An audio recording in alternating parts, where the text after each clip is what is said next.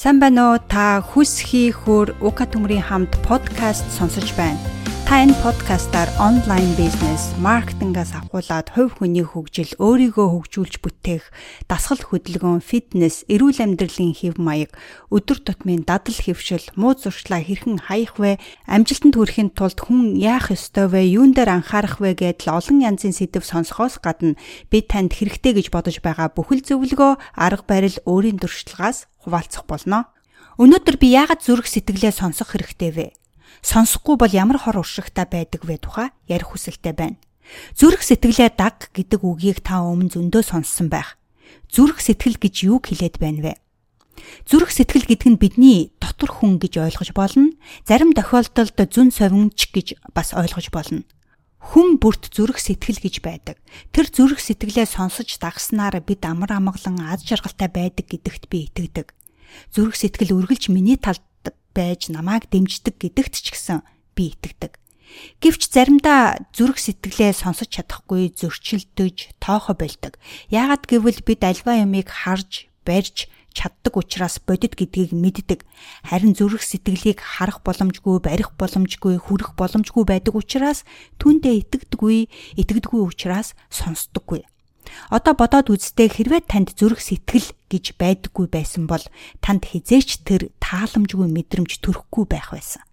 Жишээлбэл таныг хайрладаг, таныг дэмждэг, таны талд зогсдог, таныг амжилтанд хүрээсэ гэж боддог, дэмждэг зүрх сэтгэл гэж юм байхгүй байсан бол танд хизээч хайрлуулах юмсан, хайрлах юмсан, амжилтанд хүрэх юмсан, өөрийгөө сайжруулах юмсан гих мэт бодлоо төрөхгүй байх байсан.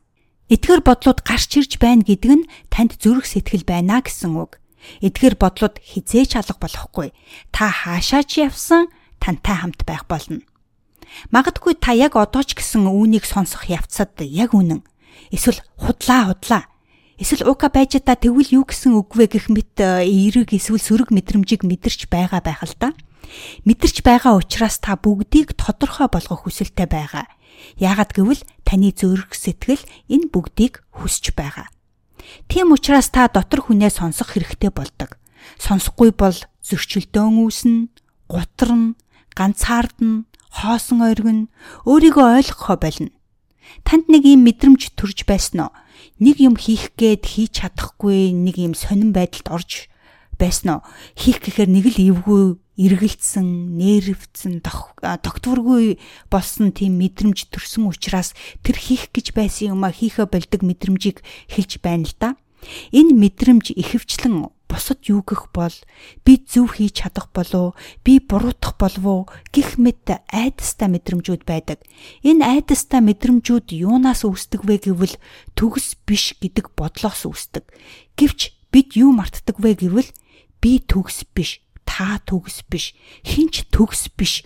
Хүн бүр төрснөөсөө хойш өөрсдөө тасралтгүй хөгжүүлж байдаг үйл явц гэдгийг мартдаг.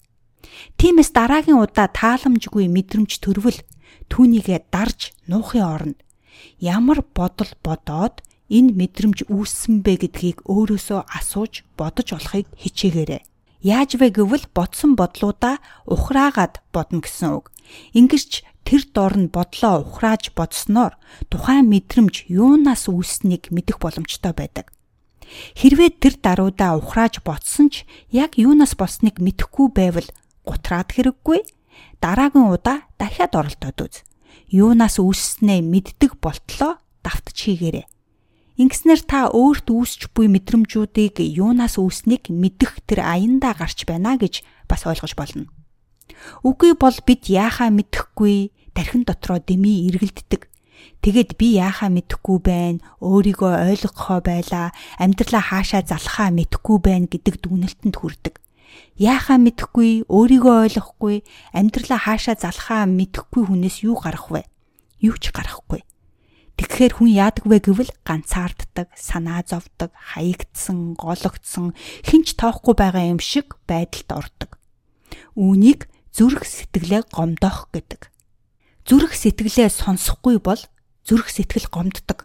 Яг л хайртай хүн маань сонсохгүй байвал гомддогтой адилхан.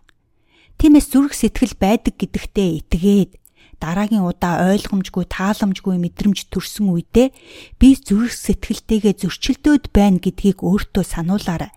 Зүрх сэтгэлд нь үргэлж таныг дэмжиж таны талд байдаг гэдгийг өөртөө сануулхад та өөрийн гүн рүү орж зүрх сэтгэлээ сонсож хамтдаа бодож тэр бодож байгаа бодлоос өөрийгөө хайж олж мэдэх болно тэгж чадвал би өөрийгөө ойлгохоо байлаа. Хинч намайг ойлгохгүй байна. Би ганцаардаад байна гих мэд бодлууд байха болно. Бүр мөсөн байха болно. Тодруулбал өөрийнхөө эсрэг зогсохоо болно. Бид төрснөөсөө хойш хөгжиж, тэлж, туршлагажиж, хүчтэй болж өөрийгөө мундаг хүн болгон бүтээж байдаг гэдгийг би түрүүн хэлсэн. Харин үүнийхээ эсрэг зогсох юм бол хүнд сайхан мэдрэмж төрдөггүй би төгс биш, та төгс биш, хинч төгс биш, хүн бүр төрснөөсөө хойш өөрсдөө тасралтгүй хөгжүүлж байдаг үйл явц гэдгийг хизээж мартаж болохгүй. Хүний асуудал шийдэл хоёр нэг шугамн дээр байх ёстой. Асуудал гарлаа түүнийгэ дорн шийдвэрлэнэ. Асуудлаа шийдвэрлснээр бид хөгждөг.